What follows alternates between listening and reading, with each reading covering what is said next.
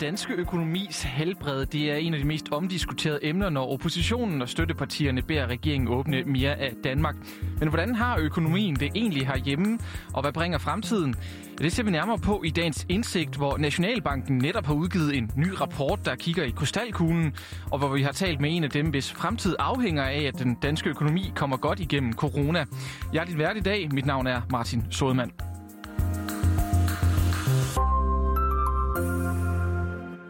Gjorde mig restløs, og jeg gik virkelig rundt og kedede mig. Og ja, du, du føler bare ikke rigtig, at du gør noget rigtigt, ikke? Fordi jeg tror måske, jeg har søgt noget af 300 jobs, eller sådan, jeg kun får svar tilbage på måske 20 af dem. Ja, 19-årig Victor Heikendorf er en af mange, der har den her historie i corona.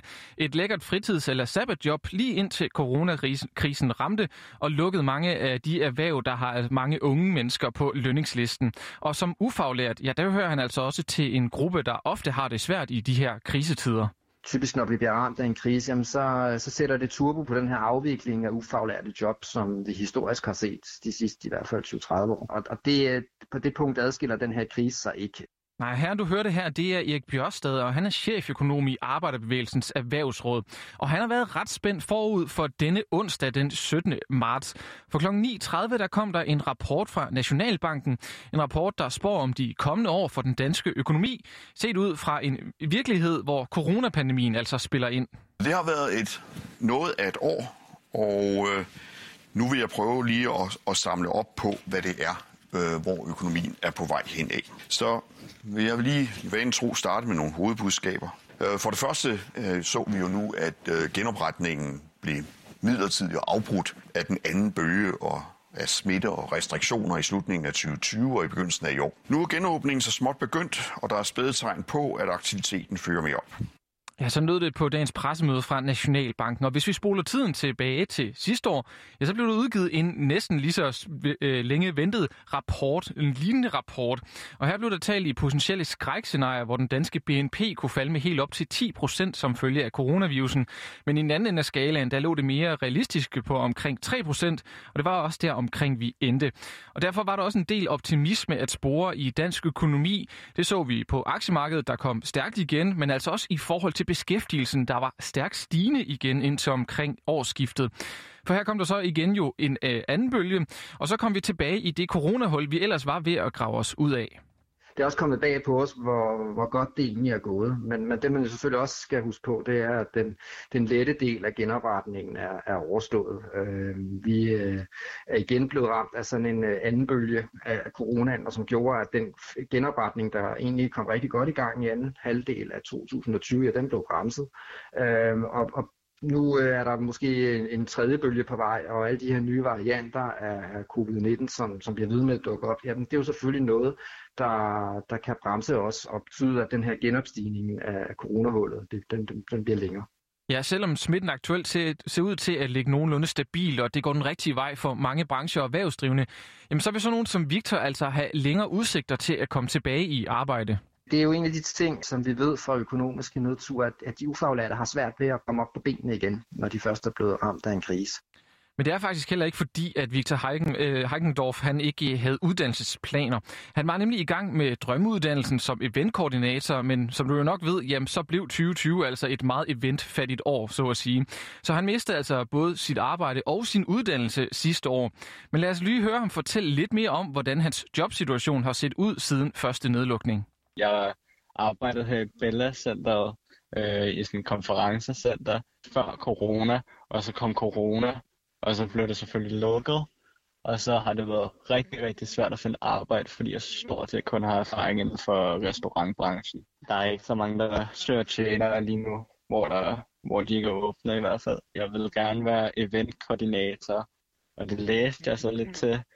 Men så på grund af corona, så var det meget svært at få øh, praktikplads, fordi det, man skulle lave, det var jo at holde konferencer og sådan store øh, events, ikke? Det kan man jo ligesom ikke lige nu. Og så var branchen så usikker, at jeg blev nødt til at træde fra, fordi jeg, altså, jeg ved jo ikke, hvornår det slutter, og hvornår man må være 2.000 mennesker sammen igen. Nej, og efter at have opgivet uddannelsen, så ville Victor nemlig rigtig gerne have haft et arbejde, og har jo også, som vi kunne høre, prøvet. Men øh, det blev altså til flere hundrede afslag, og det er egentlig meget sigende for den situation, som mange unge befinder sig i lige nu. Det er i hvert fald den tendens, Victor har oplevet blandt dem, han kender.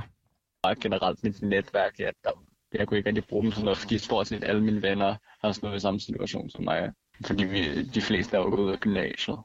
Men det har vi talt ret meget om, sådan stort set næsten hver gang, vi har været sammen, fordi vi har drukket os lidt over, at man keder sig så meget, og der ikke ligefrem kommer særlig mange penge ind på kontoen og sådan der.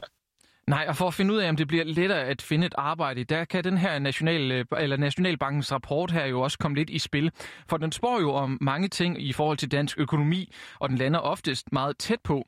Men med sådan en pandemi som en ubekendt i det her regnestykke, så er det altså ikke sikkert, at den her rapport fra i dag, den kommer i nærheden af at ramme rigtigt. Sådan vurderer Helge Pedersen, der er cheføkonom i Nordea så bliver udsvingene, man så kan sige, også omkring det skøn, man ellers ville have lavet, så bliver de også tilsvarende store, så man, man risikerer altså, at man rammer helt uden for skiven på de økonomiske prognoser i, i denne her tid.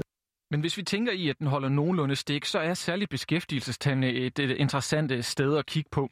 Her forudser Nationalbanken, at beskæftigelsen ventes at stige med omkring 50.000 personer fra fjerde kvartal i år, eller undskyld, fjerde kvartal sidste år, og frem til udgangen af 2023. Og i takt med den gradvise aktivitetsfremgang, så vil ledigheden altså også falde med ca. 10.000 personer. Men her opstår så den næste udfordring af corona. For beskæftigelsen, den regnes ud fra sådan et helhedsbillede, men der er altså et kæmpe gab i de forskellige brancher lige nu, for mens et øh, stigende antal byggevirksomheder melder om mangel på arbejdskraft, så er der jo altså brancher, der har længere udsigter til at komme tilbage på fod igen og kunne ansætte. Noget, man nok ikke kan se i de her prognoser, men som jeg synes er en ret vigtig pointe i forhold til den krise, vi har været igennem, det er jo også sådan, hvor forskelligt den her krise opleves. Hvis man arbejder inden for hoteller, øh, luftfart, restauranter, caféer, bar, inden for oplevelsesindustrien, ja, så mærker man i høj grad krisen på egen krop. Øh, men arbejder man inden for postordre, eller, eller har man et job i byggeriet, jamen så, så mærker man ikke krisen på samme måde. Øh, så jeg tror også, øh, lidt afhængigt af, hvor man er henne, hvor man er ansat, øh, har man en virksomhed, er man virksomhedsejer, altså det er, de briller, man ser den her prognose med, den, de tror jeg er ret forskellige. Og nu er meget af det her jo lyt øh, lidt nedslående, og det er også ofte det billede, der ligesom bliver malet i den her tid, fordi det er jo til at få øje på. Økonomien lider over hele verden, og det er selvfølgelig også tilfældet her i Danmark. Men når nu der skulle komme en global pandemi, jamen så var timingen så god, som den nu engang kunne være.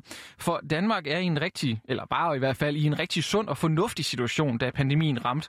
Og selvom milliarder og milliarder er blevet brugt på at holde skruen i vandet, jamen så burde det faktisk ikke betyde hverken skattestigninger, eller at vi bliver nødt til at gå på kompromis med vores velfærdsstat, vurderer Erik Bjørsted.